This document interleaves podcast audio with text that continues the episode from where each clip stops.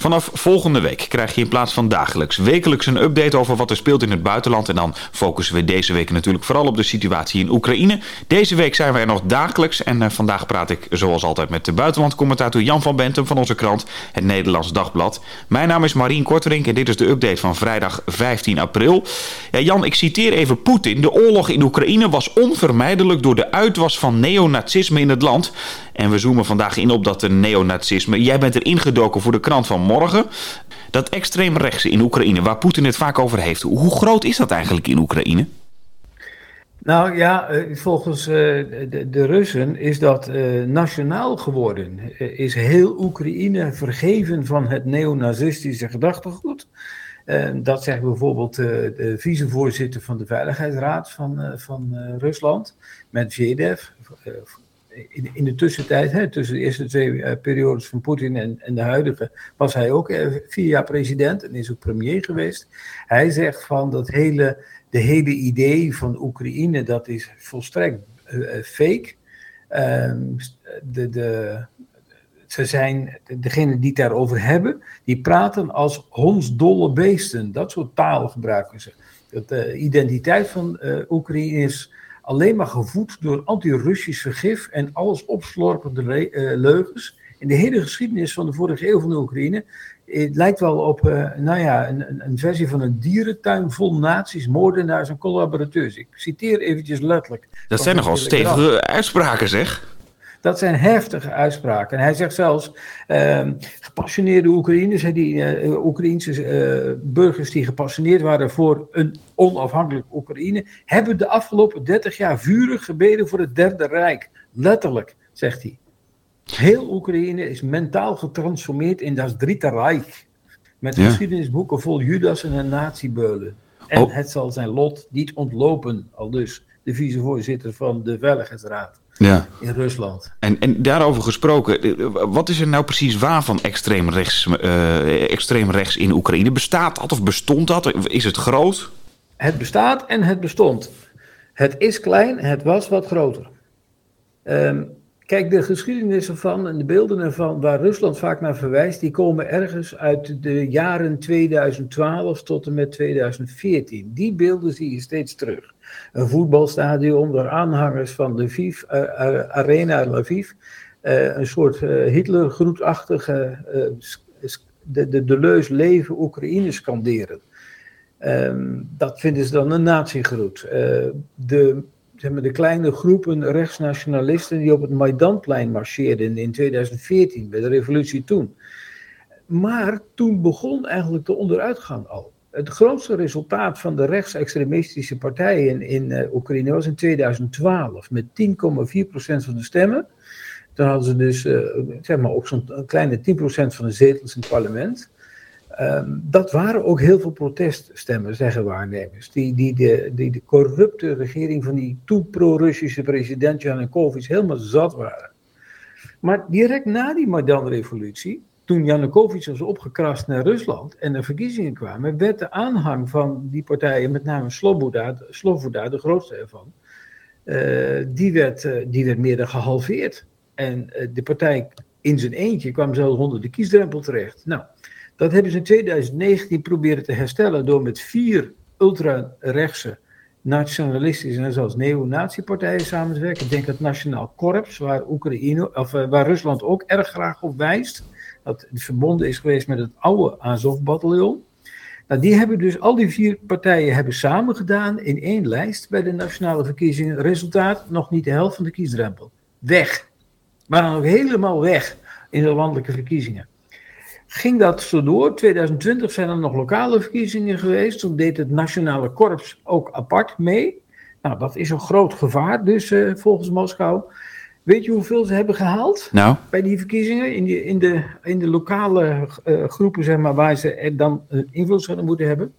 Nou, wel geteld 0,04 van de lokale zetels hebben ze weten te veroveren. Eigenlijk niks. Dat is, nou ja, 0,04 procent. Het, het is weg. Politiek gezien is het weg. Er zijn best nog wel mensen in uh, Oekraïne te vinden die neonazistische ideeën aanhangen. Maar mijn hemel, kijk even naar Frankrijk. De laatst gehouden presidentsverkiezing. Eerste ronde waar Le Pen bijna een kwart van alle stemmen kreeg. Ehm, en Le Pen komt voort uit het Front National, een, een partij haar, haar, vader die de Holocaust ontkende en het een, een, een voetsnoot in de geschiedenis noemde. Dat soort uh, types. Alternatieven voor Duitsland, in uh, de rechts, rechtsnationalistische partij in Duitsland, zit met 83 mensen in de Bundestag. Maar waarom heeft, jij, waarom heeft hij dan juist dit als aanleiding gekozen om Oekraïne binnen te vallen? Want dit kunnen we gewoon uitzoeken. Omdat het heel erg goed valt in Rusland. De het grote thema is Rusland dat de wereld heeft gered door het nazidom te verslaan in de grote patriotische oorlog. Dat wordt op 9 mei aanstaande weer groots gevierd. Elk jaar zijn die grote parades. Rusland is de redder van de wereld tegen het nazisme. En dat zal het nu weer zijn. Alleen wordt dan het nazisme geherdefinieerd in iedereen in een voormalig land dat tot de Sovjet-Unie behoorde, denk aan de Baltische Staten, Oekraïne, Belarus, Georgië enzovoort, die onafhankelijkheid en democratie nastreeft. Dat is nazisme in de huidige Russische termen. Ja, als je het hebt over een democratische staat willen zijn en onafhankelijk willen zijn, ja, dan kun je heel de Oekraïne nazistisch noemen. Trappen alleen Russen daarin of is het breder in, in, in dat nou, verhaal? in, uh, in, Nederland kun je het best terugvinden. Er zijn partijen in Nederland die dat deels ook geloven. Uh, het, je kunt het op Twitter terugvinden, op Facebook. Uh, er verschijnen artikelen over, ook in zeg maar, alternatieve media in Nederland. Denk de Blauwe Tijger, uitgeverij die dit soort dingen doet. En, en, die zien dit beeld van Rusland als inderdaad iets wat meer waarheid heeft dan de woorden van een Amerikaanse president Biden die het heeft over genocide in Oekraïne, die Rusland zou bedrijven. Dat vinden ze dan natuurlijk onzin. Nou is het gevaar natuurlijk hè, dat, dat je de tegenstander uh, afschildert als, nou ja, het is eigenlijk zo laag volk. Ontmenselijken kun je het noemen. Kijk, want dat is dus de gedachte. Wil jij echt uh, een land helemaal hervormen naar jouw beeld en gelijkenis, eh, zoals het volgens jou moet zijn, dan moet je dus iedere andere gedachte onderdrukken. Dat betekent ook, en dat is een oude Russische uh, tactiek, dat je de leidinggevende, de elite, of, of zeg maar de bestuurders en ook de militairen de toplaag, die moet je gewoon uitschakelen.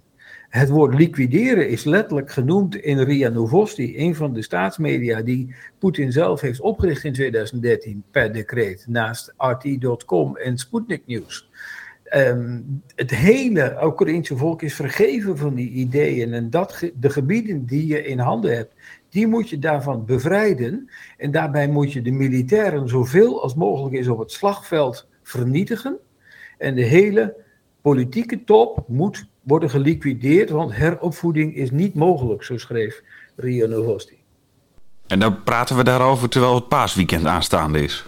Ja, nou en dat is dus het, het wrange eraan. Hè? Want wat zegt uh, Rusland, wat zegt uh, bijvoorbeeld uh, de, die patriarch Kirill, maar ook Poetin. Wij, Rusland, zijn het enige land dat nog het christelijke cultuurgoed, de christelijke gedachten, de christelijke waarden en normen verdedigen. Als wij dit niet zouden doen, dan zou het christendom in de wereld ook ten onder gaan. Maar het beeld van het christendom is dat van de gekruisigde Jezus, die zelfs bij de kruisiging nog bad om vergeving voor soldaten die hem aan de kruis nagelden. Dat is een compleet andere houding. Een volstrekt tegengesteld. Dus van het ontmenselijken van je tegenstanders tot het bidden voor diezelfde tegenstanders die jou gaan doden. Dat is wel iets anders. Dat is zo diametraal anders dat het gewoon moet botsen. En ja, je, zou eigenlijk hopen dat de kerkleiders in Rusland, met name de kerkleider Kirill, dat ook gaat inzien. En daar Poetin op gaat aanspreken en zegt van wij gaan echt over de grenzen van menselijkheid heen. Wie andere mensen als soort demonen gaat afschilderen, is uit op hun dood en dat kan niet.